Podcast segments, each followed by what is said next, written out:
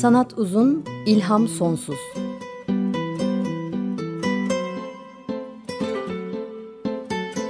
Sanat üzerine psikolojik sohbetler.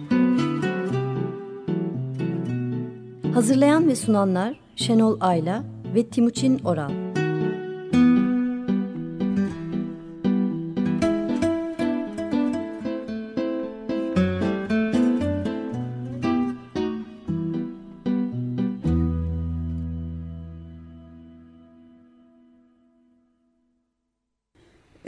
94.9 Açık Radyo'da Sanat Uzun İlham Sonsuz programındayız. Merhaba ben Şenol Ayla. Ben Timuçin Oral. Teknik Masa'da bugün Barış Demirel bize destek veriyor. Teşekkür ediyoruz kendisine. Twitter hesabımız e, e, Sanat Uzun biliyorsunuz. E, görsel radyo programına devam ediyoruz. Bugün de konuştuklarımızla ilgili görseller ve linkleri Twitter'dan program sırasında paylaşmaya devam edeceğiz. Mail adresimize e, yazabilirsiniz. Sanatuzun ilham sonsuz at gmail.com Blogumuzda sanatuzun at wordpress.com Blogumuza da e, yayınladıktan sonra e, oradaki görselleri ve e, bazı yazıları yerleştiriyoruz. Ayrıca önceki programları da kayıt arşivinden dinlemeniz mümkün. Evet. Ee, önceki bölümde müzik ve bize hissettirdiklerini konuşmuştuk. Bolca da müzik parçası dinlemiştik bu e, konu nedeniyle. Programımız sonrasında bize çeşitli bildirimler geliyor, geri bildirimler geliyor. Programcılarımızdan da çok güzel iki geri bildirim ya, geldi. Evet. Biri Zerhan Gökpınar'dan geldi. Notalarla Sohbet programının yapımcısından. Çok güzel bir katkıda bulunmuş. Wagner'in müziği de e, bizim konuştuğumuz e, gibi Beethoven 9. senfosinden bahsetmiştik. Aynı onun gibi Wagner'in müziği de benzeri bir etki yapmış insanlarda. Gücüyle her tür insanı etkilemiş, kucaklamış, birleştirmiş. Ee, bir filmde de onun müziğiyle havalanıp her tarafı bombalayan savaş helikopterleri vardı. Pilot onu dinleyerek bombalıyordu. Müziğin içindeki güç insanların içindeki güç anlayışını tetikliyor. Bazılarını gücünü kullanırken yedekliyor diye yazmış bize. Teşekkür ediyoruz. Çok evet. doğru bir noktada. İleride de zaten bu savaşta müzik e, bağlantısına da belki gireriz hı hı. sanıyorum tekrar. Bir de Şeytanın Arabası programının yapımcısı yapımcılarından Aydan Çelik'in güzel bir yorumu oldu.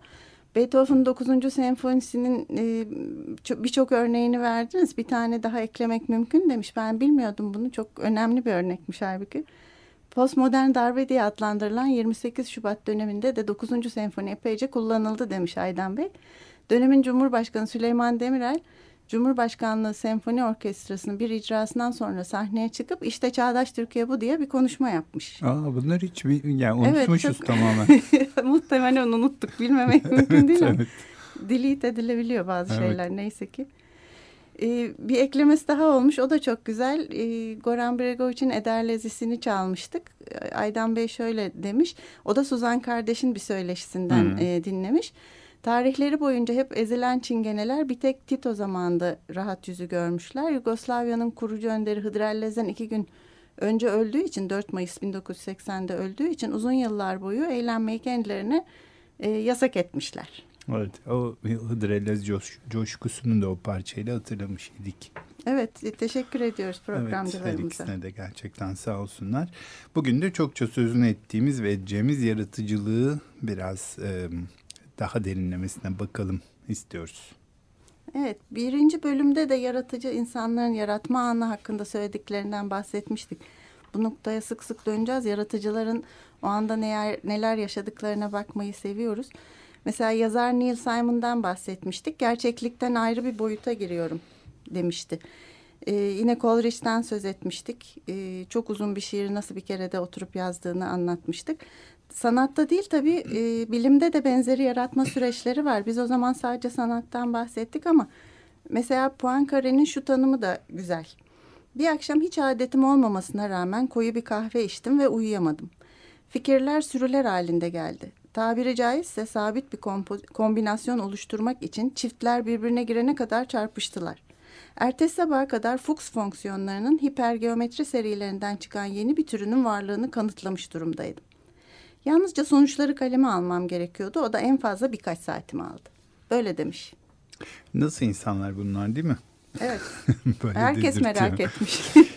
Biz de merak ettik. Şimdi bu bununla ilgili aslında e, iki e, türlü bakabiliriz. İki hikayeyle bakabiliriz daha doğrusu. Bir tanesi e, bir sanatçı düşünelim. Aniden bir ilhamla aydınlansın ve birden bir şey yaratsın. Evet. Hani bu şey gibi. E, hani Arşimet'in evrakası gibi. Birden bir çılgınca bir şey yapıyor gibi. E, bu, sırada dışarıdan tuhaf görünen bir takım hareketler yapıyor bu insanlar. Birden o hani yaratma anının e, işte onun üzerindeki etkilerini görebiliyoruz. Evet. E, ikinci bu bir öykü. Bu bir kenarda dursun. Yani bu görüntü. İkincisi de e, Plinilerin büyüğü ya da tam adıyla söylersek Gaius Plinus Secundus'un Naturalis Evet. Historia'da anlattığı bir hikaye var. Doğa tarihi herhalde. Hı, doğa tarihi evet. Yunanlı iki ressam Zeuxis ile Parhasius'un yarışma öyküsü. Ee, burada bunu da Bunun, hatırlatan şeyleri tweetleyelim Evet. aslında. Bu, bu iki ressam kim daha iyi resim yaparı tartışıyorlar kendi aralarında.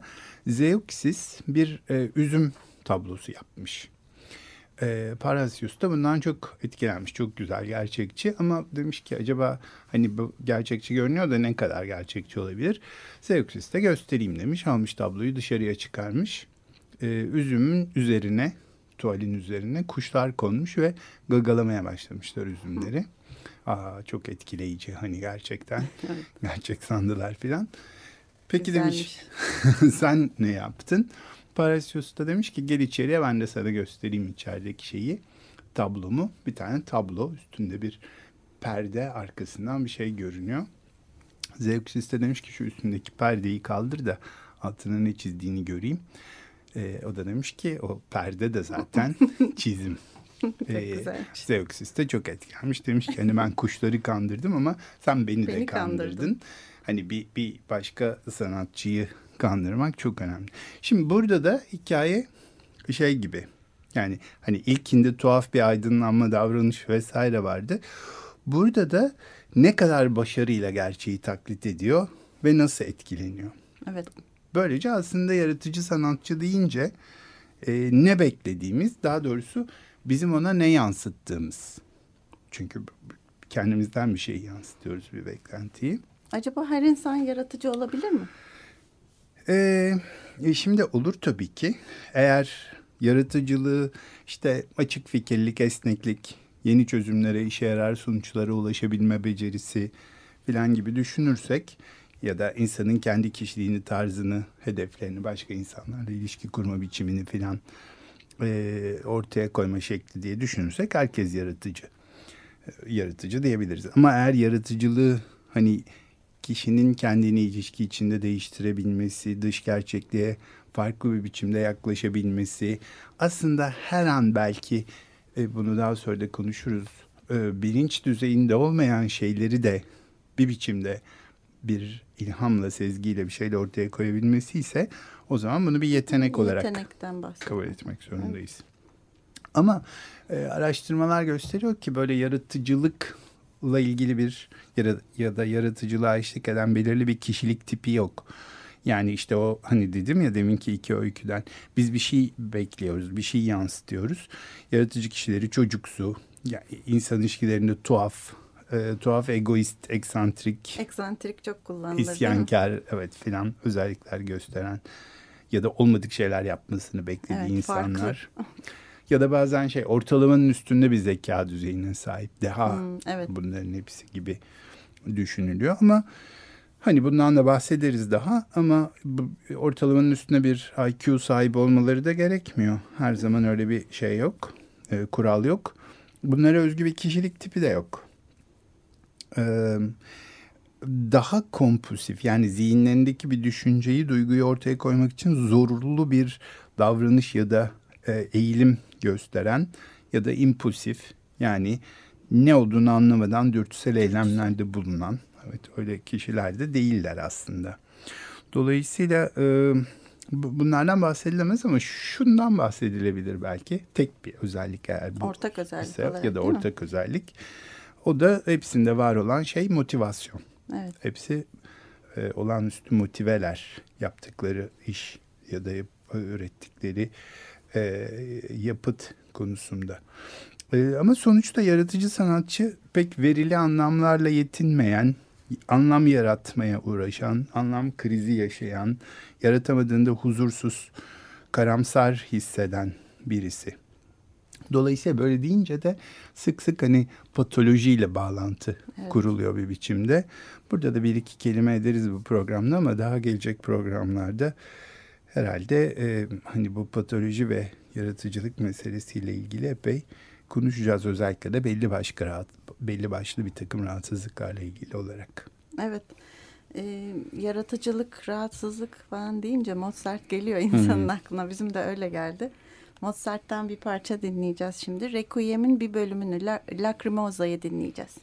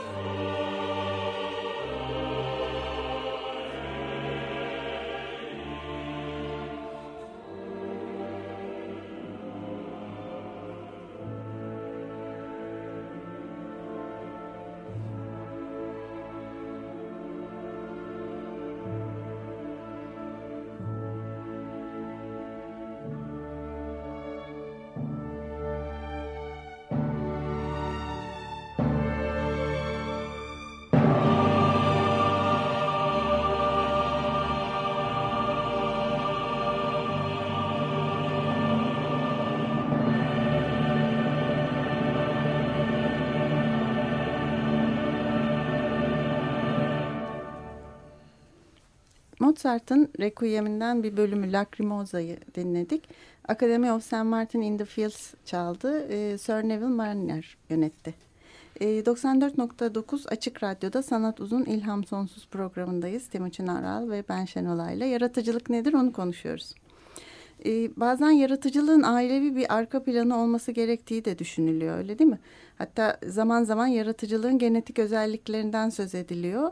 Ama bunun yaratıcılığın kökenindeki temel özellik olduğunu iddia etmek de son derece zor. Mesela Mozart'ın babası da bir müzisyendi. Ablası da müzisyendi ama e, büyük bir besteci değildi babası. E, Eugene O'Neill'in babası da bir aktördü ama yazar değildi. Picasso'nun babası sanat öğretmeniydi ama ressam değildi sonuçta. E, Einstein'ın babası ise şöyle tırnak içinde diyelim başarısız dendi şimdi kıyamadım demeye ama başarısız bir elektrokimya uzmanıydı diyorlar onun içinde. Hani e, Einstein'ın babası olduğu için bunu söylemekten çekindim Evet. ama ama ailede yaratıcılık değil de ileride söz edeceğimiz bazı başka ortak özellikler olabiliyor. Evet tabii. Ee, şimdi bu ne kadar hakikaten öğrenilen yetenek, ne kadarı çabayla oluyor kısmı hep konuşuluyor. Francis Galton'dan söz edeceğiz. Gerçi Francis Galton çok e, dikkate alınması gereken birisi değil ama gene de. E, Thomas Edison'ın bir sözü var mesela. E, e, nasıl İngilizcesi şöyle. Genius is 1% inspiration, 99% per- perspiration gibi. Yani dehanın yüzde biri ilham yüzde 99'u çaba ve terlemeden oluşuyor filan gibi. Ama tabii bunu söylemesi kolay. Thomas Edison'la e, onunla kimi karşılaştıracağız? Nikolay Tesla'yı karşılaştıralım. Değil mi? Yani e, Thomas Edison'ın yaratıcılığı da tartışılır zaten. Evet. Ee, şimdi bu ama üzerinde tabii çalışma meselesi önemli. Şimdi burada tweetlerle göreceğiniz mesela Picasso'nun Guernica'sının ortaya çıkması öyle birdenbire Picasso Guernica'yı yapmıyor. Önce skeçleri var çalışmış üzerinde. Yahut Edward Munch'tan sonra söz ederiz. Ee, patolojiyle ilişkili olarak da söz ederiz ama mesela o çığlığı çizmeden önce çizdiği hem eskizler var hem benzer tablolar var üzerinde çalışmış. Yani öyle birden ilhamla ortaya çıkmış gibi görünüyor ama Bir çabası da ciddi bir kuşkusuz çabası var. var. Evet ama üzerine çalışılıyor da. Şimdi burada e, aklıma şey geldi. E, Cahit Sıtkı'nın e, Ziya Osman Sabah'a yazdığı mektupları e, Ziya Osman Sabah derleyip Ziya'ya mektuplar diye varlık yayınlarından çıkardığı bir kitapta yayınlamıştı. E, bunu okuduğumda da ben çok e, hoşuma gitmişti, etkilenmiştim. E, bu burada şöyle kaçıncı sayfası? 67. sayfada e, işte Paris'ten yazmış 1940'da bir tane ziyacığım diye. E, mektubun bir yerinde şöyle diyor. Geç kaldık bu Ziya Osman Sabah'ın mektup şeyi, şiiri. Geç kaldık'ı selamlamakta geç kalmayacağım. Kuş, kusursuz bir şiir. Koşup sana hesap vermeye geç kaldık ya Rabbi geç kaldık. Yalnız ya Rabbi yerine ya Rab deseydin daha iyi ve tabii olurdu gibi geliyor bana. Dalgın bir anında hece meselesini aklına getirmeden bu beyti oku göreceksin. Farkında olmadan ya Rab diyeceksin. Geçen gün Lüksemburg bahçesinde dolaşırken bu şiiri mırıldanıyordum gayri ihtiyari. Koşup sana hesap vermeye geç kaldık ya Rab geç kaldık diye okudum. Bir tecrübe et külfetsiz bir şeydir sanıyorum demiş. Sonra Ziya Osman hakikaten bu şiiri e, geç kaldık ya Rab geç kaldık diye, Diye yazmış. son söz halinde. dinlemiş. E, bu üstünde çalışma meselesiyle e, ilgili e, çeşitli örnekleri var. E, şeyin e, verdiği e, e, Cahit Sıtkı'nın verdiği. Mesela yine yazdığı bir başka mektup Burhaniye'den yazmış 1942'de. Ee, orada hani vezin değiştirmeden bir takım şeylerin nasıl değiştiğini anlatmak için aslında kimin olduğu da çok belli değil ama divan şiirinde Mahir'den e, alınmış bir e, beyit o. Ve aslında divan şiiri aruz vezni öğretilirken de çok çok kullanılır. İşte failatun failatun failün e, e, vezninde. Hani ol gül gülerek geldiği demler şimdi. Ağlarım hatıra geldikçe gülüşlerimiz. e, gülüştüklerimiz veya e, diye bir e, şey bir e, mısra. Şimdi diyor ki e, sana bu hususta bir başka misal daha. Ağlarım hatıra geldikçe gülüştüklerimiz mısrasında hatıra yerine aklıma diyebiliriz. Vezin bozulmaz. Ağlarım aklıma geldikçe gülüştüklerimiz. Vezin bozulmaz ama şiir sırra kadem basar. Bunun tek sebebi hatıra kelimesinin aklıma kelimesinden daha zengin, evokasyon unsuru daha kuvvetli olmasıdır. Çok. Telaffuzunda da tahattür hadisesine hürmet eden bir diskresyon ve objektivite edası vardır Mükemmel. diye bunu anlatıyor. Sonradan İlginç bir şekilde Cemal Süreya e, bunu tırnak içinde kullanmış bir şiirinde. Sevgilim ben şimdi büyük bir kentte seni düşünmekteyim. Elimde uçuk mavi bir kalem, cebimde iki paket sigara, hayatımız geçiyor gözlerimin önünden. Çıkıp gitmelerimiz, su içmelerimiz, öpüştüklerimiz, ağlarım aklıma geldikçe gülüştüklerimiz. Aklıma diye kullanmış. Kullanmış. Ama Çok evokasyon ne oldu şimdi? Sırra kadem basmamış. Sırra kadem basmamış. Hatta da e, güçlenip e, şey bulmuş. e, hayat Evet, biz bulmuş bunu aslında. daha tanıdık. Evet, herkes buradan biliyor bu şeyi. E, Mısra'yı. Evet. E, şimdi tabii bu- bunların üstünde çalışsalar da bir ilham perisi meselesi var ama yani onun yok olduğunu kimse iddia edemez. E, o zaman ne bu ilham perisi meselesi? Evet. Biraz buna Herkesin baksak. kafasını çok yormuş bir şey. Bir de e, şık bir şey değil mi? Şık bir imge aslında. Bir peri var gerçekten. evet. Ve Hem peri hem ilham veriyor. Mükemmel bir şey.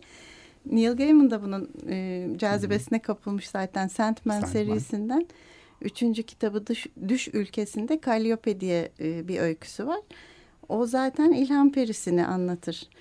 E, ilham perisinin e, esir edilmesini anlatıyor aslında çok başarılı bir kitap yazmış ama gelip tıkanmış bir yazar. Nasıl tekrar yazacağını bilmiyor. Yayın evi sözleşmeleri yapmış.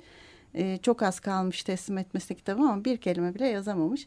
Sonunda bir e, dostunun tavsiyesiyle çok ünlü eski bir yazara gidip ondan tavsiye istiyor. Tavsiye olarak da o yazar ona ilham perisini içerki odada esir ettiği ilham perisi Calliope'yi çıkarıp veriyor. Aman al git gibi de birazcık baştan anlamadığımız bir kurtulma sevinciyle veriyor. Hmm, Genç yazar da bunu alıp sevinerek gidiyor. Yıllarca onu köle gibi kullanıyor. Gerçekten çok güzel e, esinler çıkarıyor, eserler çıkarıyor. Ama tabii bir yandan da ilham perisini esir ettiği için e, başı da derde girecek daha sonrasında. Hepsini anlatmayalım tabii Evet. ama böyle bir ilham perisi var. E, yaratıcı insanlar da e, kompozisyon ya da içgörünün aniden gerçekleştiği bir süreci anlatıyorlar. Bütün yaratı zihinde beyinde olup bitiyor ve kalan tek şey onu kağıda geçirmek diye tarif ediyor birçoğu. Hep sanki ilham perisi gelmiş gibi konuşuyorlar. Bazen uykuya benzer bir durumdalar, bazen gerçekten uykudalar. O sırada ani bir şey oluyor ve yepyeni bir şey ortaya çıkıyor. Sonra gelen yazma ya da resmetme, kağıda geçirme, e, eseri görülür, duyulur hale getirme süreci ise bu esin gelme sürecinden çok farklı bilinçli bir süreç. Demin de senin dediğin Hı hı. belki uğraşma, çabalama, Evet. eskizler, e, taslaklar sonra gerçeğe doğru gidiş. Bu sıra dışı yaratıcılık sıradan yaratıcılıktan nitelik olarak farklı bazı nöral yani sinirsel süreçlerle gerçekleşiyor denebiliyor. Hatta bu tür yaratıcılığın insan düşüncesinin bilinç dışı bileşeninden kaynaklandığı da söylenebiliyor. Bunu söyleyen Andreasen, Nancy Andreasen biraz sonra bahsedeceğiz. 2005'teki kitabında bunu söylemiş. Yaratma yeni kavramlar, fikirler, buluşlar, nesneler ya da sanat yaratma kapasitesi insan beyninin belki de en önemli özelliğidir diyor. Ancak yaratma sürecinin sinirsel yani nöral temelleri hakkında da çok az şey biliyoruz. Ee, çok sorumuz var diyor gene Andreasen ve buna bayağı da kafayı yoran insanlardan biri dünyada. Şu sorular var. Yaratıcılığı nasıl tanımlamalıyız? Zeka düzeyiyle ilişkisi var mı? Yaratıcı sezgiyi ortaya çıkaran şey psikolojik süreçler mi yoksa çevresel faktörler mi? Yaratıcılık bilinçli ve bil- bilinç dışı süreçlerle nasıl bir ilişki içinde? Yaratma anında sinir düzeyinde, nöral düzeyde neler oluyor? Ve yaratıcılık sağlıkla ve hastalıkla, özellikle özellikle de mental hastalıklarla nasıl bir ilişki içinde? Bunları soruyor hep Andreasen ve yıllardır da bizim bildiğimiz değil mi? Hep buna cevaplar arıyor. Başka aslında araştıranlar da var. Ee, 19. yüzyıl sonu, 20. yüzyıl başında işte Cesar Lombroso, Deha ve Delilik gibi İngiliz doğa bilimci Sir Francis Galton, Kalıtsal Deha e, ya da Havelock Ellis e, İngiliz dehalar üzerine diye bir takım kitapları var. E, ortak yan işte bu kalıtım ve psikolojik hastalık ilişkisi e, bu şeylerde, e, yaratıcı kişilerde.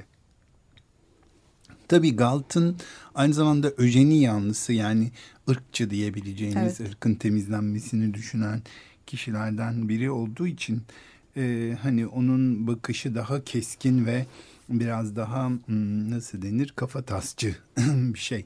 Evet. Şimdi aslında buradan belki hani bunun zeka ile ilişkisine falan da bakalım ama e, tam bu noktada yine biz bir müzik arası versek e, iyi olur.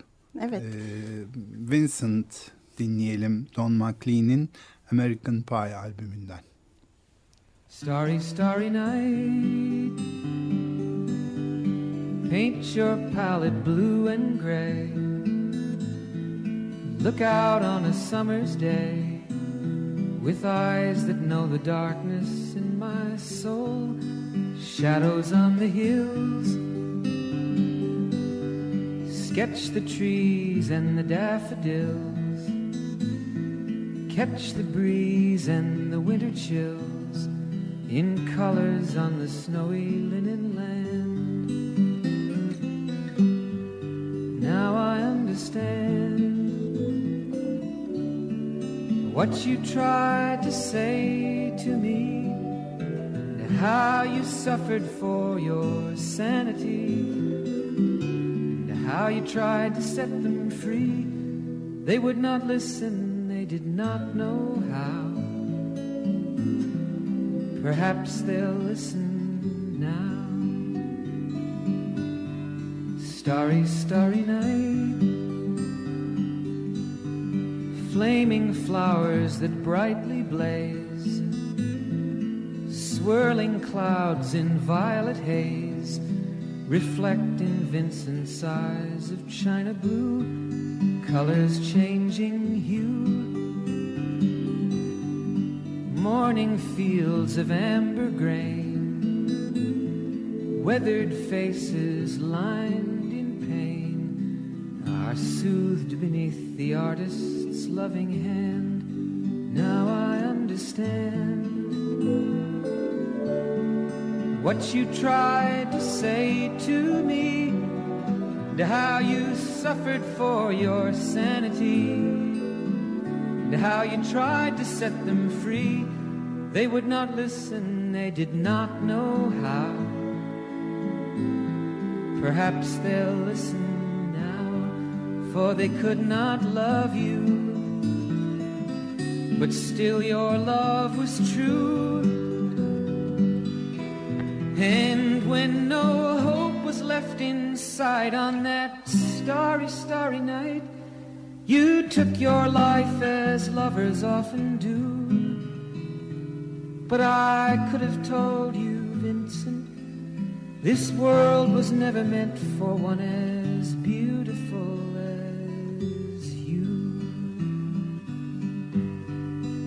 Starry, starry night. Portraits hung in empty halls. Frameless heads on nameless walls, with eyes that watch the world and can't forget, like the strangers that you've met. The ragged men in ragged clothes, a silver thorn, a bloody rose, lie crushed and broken on the virgin snow. Now I think I know what you tried to say to me, and how you suffered for your sanity, and how you tried to set them free.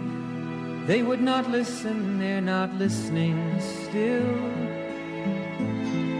Perhaps they never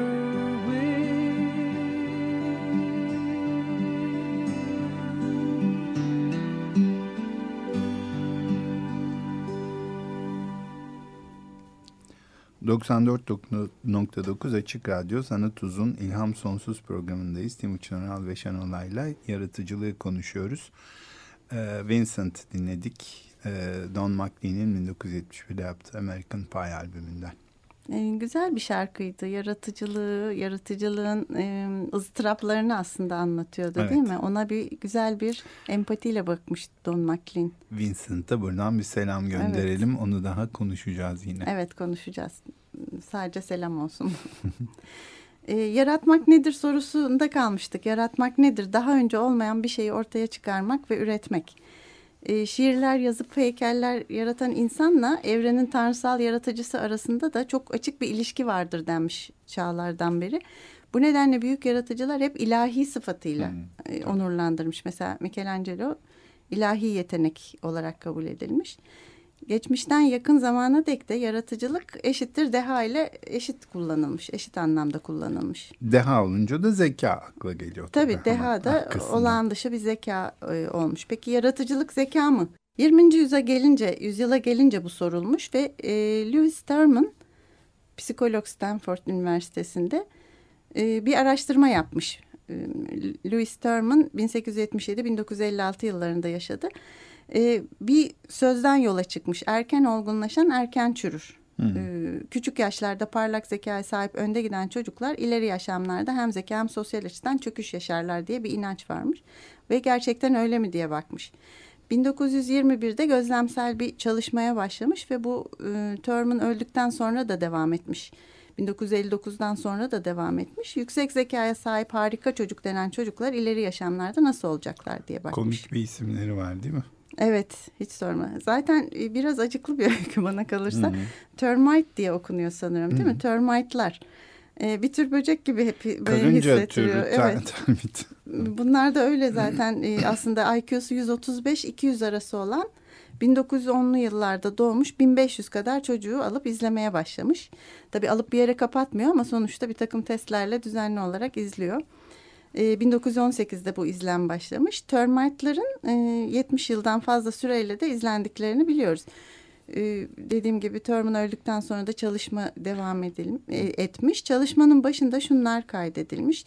IQ'ları, vücut ölçüleri, tıbbi muayene ve öykü, öyküleri, eğitim durumları, eğitimdeki başarıları, kişilik testleri, boş zamanlarda neyi yapmayı seviyorlar gibi çok uzun e, dosyalar doldurulmuş. Kurgu bilim filmleri gibi Evet değil mi? biraz? Truman. Show'a da benziyor ama e, gayet de kalabalık 1500 çocuk çalışma boyunca e, şunları da izlemişler. Kaçış yok. Fiziksel ve duygusal gelişimleri, okul başarıları, mesleki başarıları bitmedi. Evlilik durumları, duygusal, fiziksel sağlıkları falan diye gidiyor. Evet. Kontrol altında bir gelişim. Evet. Biraz Hitler'in çiftliklerini de hatırlatıyor doğrusu. Evet, e, biraz rahatsız ediyor ama sonuçta çıkan sonuçlar da şöyle olmuş. Çalışma ilk yıllarından itibaren erken olgulaşan, erken çürür varsayımını çürütmüş. IQ'su yüksek çocuklar ileride yıkıma uğramıyorlarmış sanıldığı gibi. Sürpriz. Sürpriz çıkmış, evet. Bu dahi çocuklar ileri yaşamda da karşılaştırıldıkları kontrol grubundan ve toplumsal ortalamadan daha üstün durumda bulunmuşlar. Fiziksel açıdan daha güçlü ve daha sağlıklı olmuşlar. Sosyal ve ekonomik olarak daha başarılıymışlar. Psikolojik açıdan sağlıklı ve aile içi ilişkilerinde de daha iyi durumdaymışlar. E ama içlerinden de çok az yaratıcı insan çıktı Evet o da bir mi? yan sonuç herhalde. Bir ikinci sonuç olarak e, mesela Robert Oppenheimer da bir Terman çocuğuymuş. Bir Termite'miş o da. Evet. Ondan başka çok az sayıda da yazar, ressam, bilim adamı çıkmış. Ee, oran olarak genel toplum ortalamasına... Normal popülasyonla Aynen, oranı evet, kadar. öyle çıkmış. Evet. Aynen normal popülasyon kadar çıkmış oranı. Terman çalışması şunu göstermiş. Yaratıcı dehanın yüksek zeka ile doğrudan ilişkisi olduğu diye bir şey yok. Hmm. Belli bir düzeyde zeka bir yaratıcıyı ortaya koymak için gerekli ama bir noktada zekadan başka bir şey, başka bir zihinsel yeti, bir e, henüz bilinmeyen, o dönemde henüz bilinmeyen bizim de hala uğraştığımız bir şey devreye giriyor. Evet. O şey ne?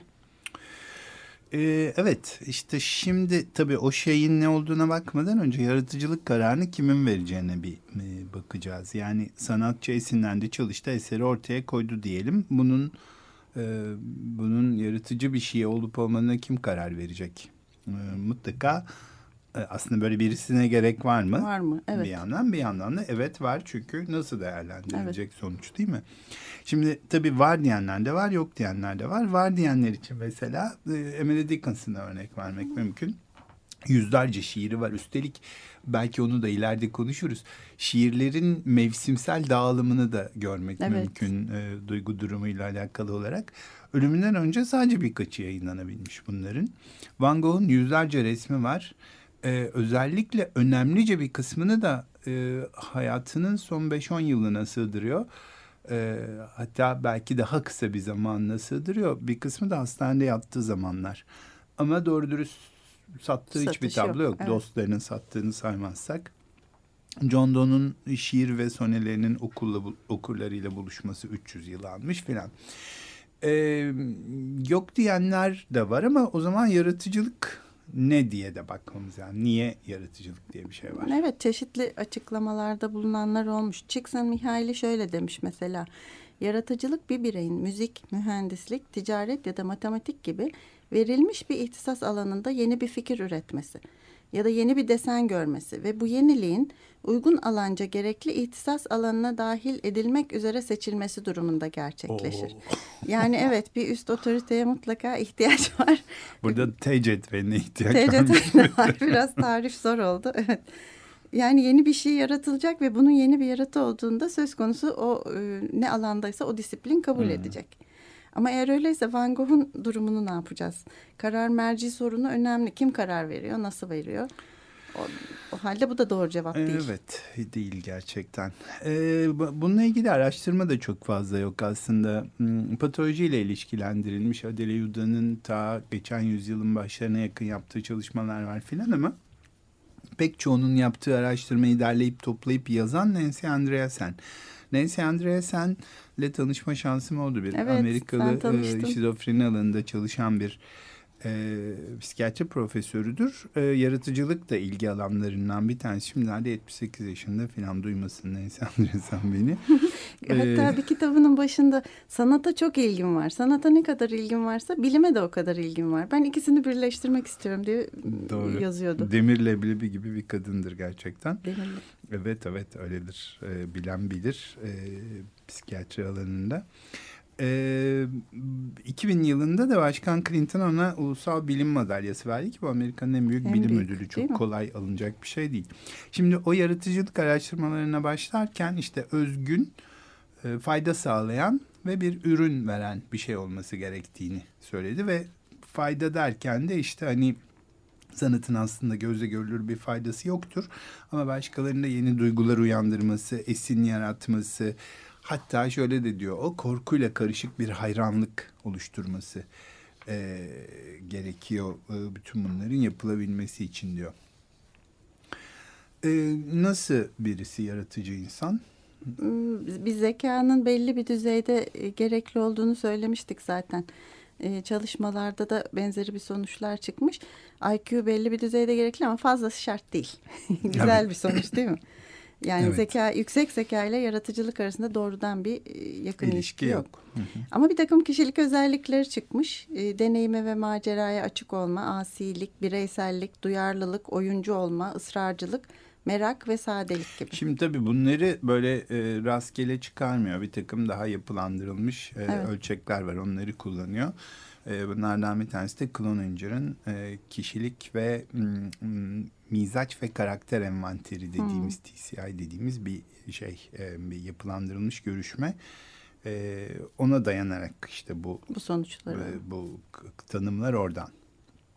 Ve işte dolayısıyla dünyaya ön yargıyla yaklaşmazlar düzen ve kuralların getireceği rahatlık onlar için önemli değildir. Böyle bakınca biraz fal gibi oluyor ama sonuçta hani o şeyin hani ölçeğin tanımladığı şeyi anlatıyor bu aynı zamanda.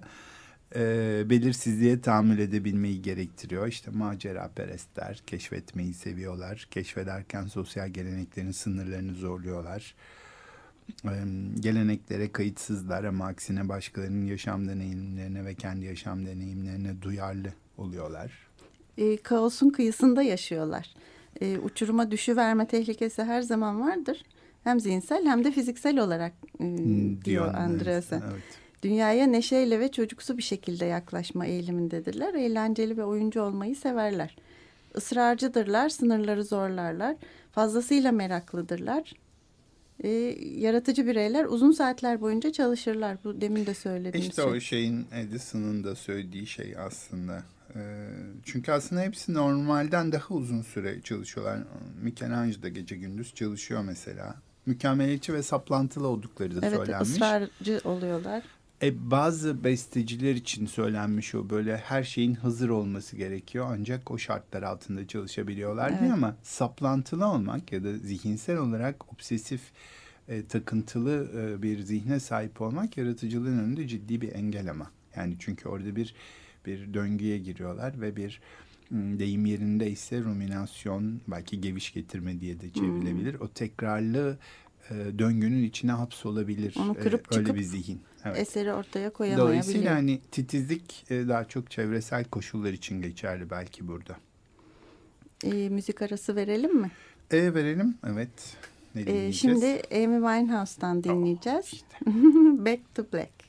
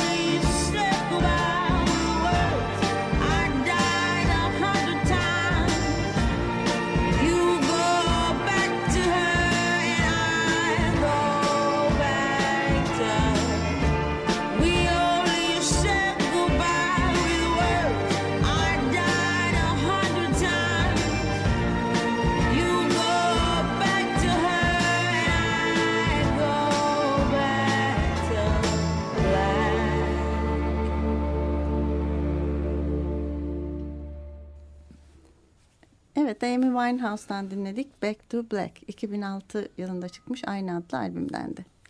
Ee, e, 94.9 Açık Radyo'da Sanat Uzun İlham Sonsuz programında yaratıcılığı konuşuyoruz. E, Iowa çalışmasından bahsediyorduk tam. E, Amy'yi dinledik. iyi oldu. E, Iowa çalışması bu Nancy Andreasen'den bahsettik. İşte 2000 yılında e, Ulusal Bilim Madalyası alan Amerika'da ünlü bir e, psikiyatrist. Şizofreni ve yaratıcılık alanında çalışıyor. E, onun yaptığı iki çalışma var Iowa Üniversitesi'nde. Iowa'da ünlü bir Iowa Yazarlar Atölyesi diye bir yer var. Pek çok ünlü yazar onun o programın içinden geçmiş. E, Vonnegut var, e, Robert Lowell var, Philip Roth var, Tennessee Williams var. Tennessee Williams var. Bizden Orhan Pamuk var. Bu, Buket Uzuner var. Ee, bu atölyeye katılan yazarlar da tabii bizimkileri almamış. Nancy Andresen daha eski bu çalışma ama bir ruhsal rahatsızlık olup olmadığını araştırmış. Ee, acaba bu psikozla ilişkili bir şey midir yaratıcılık diye. Çünkü hani James Joyce şizotipal özellikler taşıyordu. Kızı şizofreni hastasıydı. Bertrand Russell'ın ailesinde çok sayıda vardı falan diye böyle bir bağlantı kurarak e, yapmış. Psikoz derken ne demek istiyoruz? Ee, gerçeği değerlendirme yetisinin bozulduğu, e, sanrıların ve varsanıların olduğu bir klinik tabloyu kastediyorum. Ee, ve acaba hani bu kişiler dünyayı yeni ve farklı açıdan görüyorlar, başkalarının göremediği gibi görüyorlar diye acaba yaratıcılıkla da bir benzerlik var mı diye ama Iowa çalışması böyle bir benzerliğin olmadığını işaret ediyor. Daha çok duygu durum bozukluklarıyla Evet. yani depresyonla, manik depresif hastalıkla falan ilişkili bundan gelecekte bahsedeceğiz. Bu çalışma ilki ondan sonra Andreasen e, ikinci çalışmayı başlattı. Tabii bu ikinci çalışma daha sonra 90'lar hatta şimdi 2000'lere taştığı için artık beyin görüntüleme e, seçenekleri de artmıştı. Andreasen de burada hatta Kültür Üniversitesi'nde yaptığı bir konuşmada e, dinledim onu tekrar e, bundan birkaç yıl önce çalışmayı yazar ve şairlerle sınırlı tutmayıp şimdi biraz daha yaratıcılığı da daha geniş yorumlamıştı. Başka tür sanatçılar katmış Evet. değil mi? Mesela Mesela George George Lucas Lucas'ı katmış. gibi. Evet. E, İşte George'u da aldım diye fotoğrafını gösterdi hatta. George Lucas'ı da fMRI'ye sokmuş bir de. Ha, E, beyin görüntüleme. e, çok heyecanlı bu. Beyinden ne çıkacağı meraklı Ama bir durum. henüz bitmedi o çalışma. Tabii. İlginç bir şekilde Evet. onu hala sürdürüyor. Onun için onun sonuçlarını yayınlamadı. Eğer bizim programımız dahilinde yayınlanırsa buradan duyururuz onu da. Evet. Ama şimdiden ortaya çıkan birkaç şey var. Mesela sözcük işleme, ilişkilendirme sırasında beynin bazı bölgeleri daha aktif oluyor. Bu bilinen bir şey aslında. Görsel ilişkilendirmede de bu aktivasyon görülüyor. Ama yaratıcılarda bu aktivasyon e, diğerlerine göre, kontrol grubundakilere göre daha güçlü.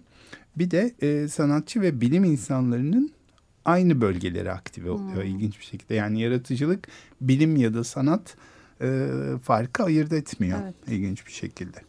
Beynin aynı yerlerinde aktivasyon. Evet. Bakalım ileride sonuçları ne olacak? E, Mod- Sonuçta bu bir açılış aslında. Çok gerisi de Evet, gelecek bir gelir. başlangıç. Yani elimizde fMRI olsaydı Einstein'ın Mozart'ın beynini görseydik iyi olur Evet. muydu bilmiyorum. Evet. Merak ediyoruz o Evet. ayrı. Mesela Mozart'ın şu meşhur sözü var ya hani o yani o sırada Hani mesela ne, ne, zaman oluyor? ne zaman nasıl geleceklerini bilmiyorum. Kendimi zorladığım zamanlarda gelmezler. Diyor ya oradakini Evet. diyorsun değil mi? Evet evet. Ee, Ya da Çaykovski'nin e, kendiyle ilgili anlattıkları var. Bundan da bahsetmiştik hatırlarsın. Ee, hani aslında kafasında bitmiş oluyor.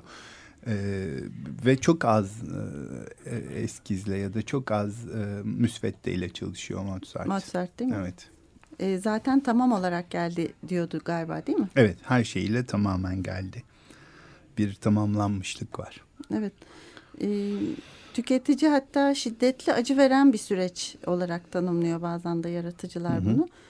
Özellikle de bu yaratıcı insanlar bir problemi çözmeye, bir şey yaratmaya bilinçli olarak çalışırken gelmeyen ama bu konuyu düşünmezken ortaya çıkıveren bir durumdan bahsediyorlar. Bilinçli bağlantılarla değil de bilinç dışı düzlemdeki bir bağlantılarla bir şey çıkıyor, bir fikir geliyor. Gevşemenin yaşandığı sakin bir anda yine de çalışmaya devam eden bir bilinç dışı bir takım düşünce süreçleriyle esin geliyor. Tabii bütün bunları burada hemen açıkladık diyemeyiz. Yaratıcılığı daha çok konuşacağız zaten. evet, hemen aslında bir programda bizim, evet, bitiremeyeceğiz ama programımız bunun üstüne aslında. Bu bir giriş gibi bir şey oluyor sanıyorum. Özellikle de patolojiyle ilişkisinden çok bahsedeceğiz. bahsedeceğiz. İster istemez e, hem bireysel olarak hem e, genel olarak. E, bu bilinç dışı e, meseleye de e, vurgu yapacağız ama onu söylemişken aklıma geldi. Gelecek hafta tekinsiz meselesine biraz değinelim. Evet. Ondan sonra da yaratıcılığın bilinç dışıyla ve patolojiyle ilişkisine e, geliriz yeniden. tekinsiz meselesi çok ilginç geliyor bana. Hmm. E, o halde bu programımızı kapatıyoruz sanıyorum. E, burada konuştuğumuz birçok şeyi, alıntıları, kitapları, görselleri Twitter hesabımızdan paylaştık. E, blogumuza da koyacağız. Oradan takip edebilirsiniz. O, bizim e, Twitter hesabımız e, et sanat alt uzun. Orada bütün bağlantıları bulabiliyorsunuz. E, Açık Radyo'da 94.9 Sanat Uzun İlham Sonsuz programındaydık. Yaratıcılığa bir giriş yaptık. Yaratıcılığı konuştuk. Ben Şenolay'la. Ben Timuçin Oral. Neyle Ee, veda ediyoruz? Şimdi çıkmadan önce bir parçayla çıkacağız. Bugün destekçimiz Hüseyin Armağan Teselli'ydi. Teşekkür ediyoruz kendisine. E, Barış Demirel'e de teknik masadaki e, varlığından ötürü teşekkür ediyoruz. Ve hoşça kalın derken senin bir- getirdiğin bir parça aslında Timuçin sen söyle Evet, istersen. Black Cadillac e, No Blues grubu Ya Dünya albümünden dinliyoruz. She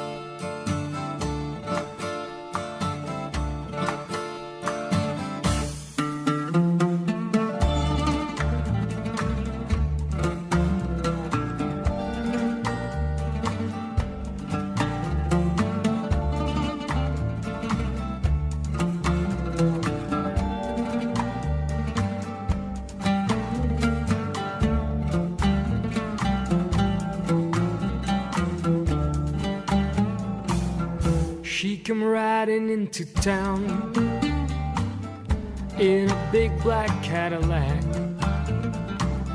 staring all them poor boys down. A scorpion tattooed in her neck. She stopped at the wagon wheel where you can play your life away. And from the first hand setting in, she nearly drove them all insane. I was standing on a corner when I heard my mama warn me stay away from that kind. She's bad news, my boy. She'll use you like a toy and she'll rob you all blind. على ايه بتلومني بتلومني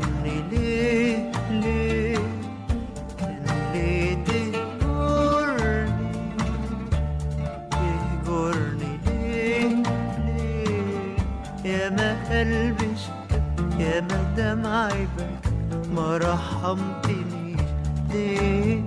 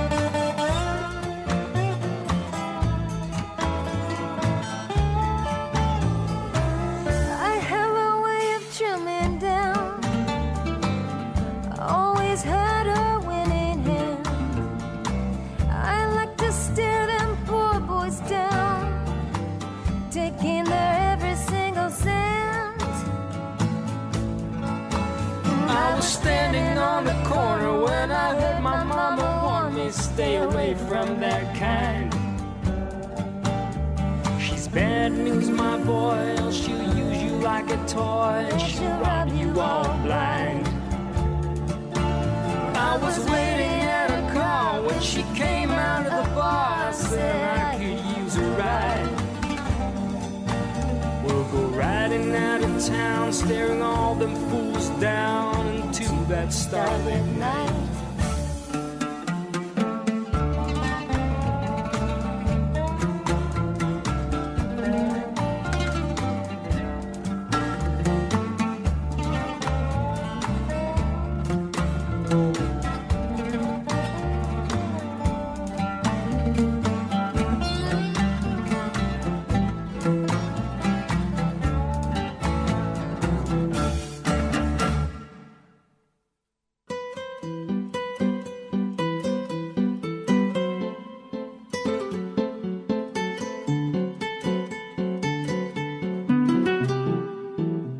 Sanat uzun, ilham sonsuz.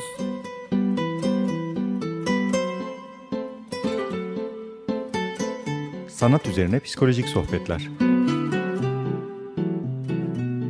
Hazırlayan ve sunanlar Şenol Ayla ve Timuçin Oral.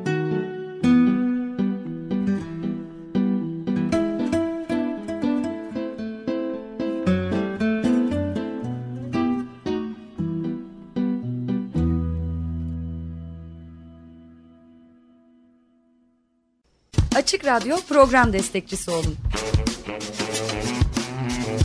Bir veya daha fazla programa destek olmak için 212 alan koduyla 343 41 41.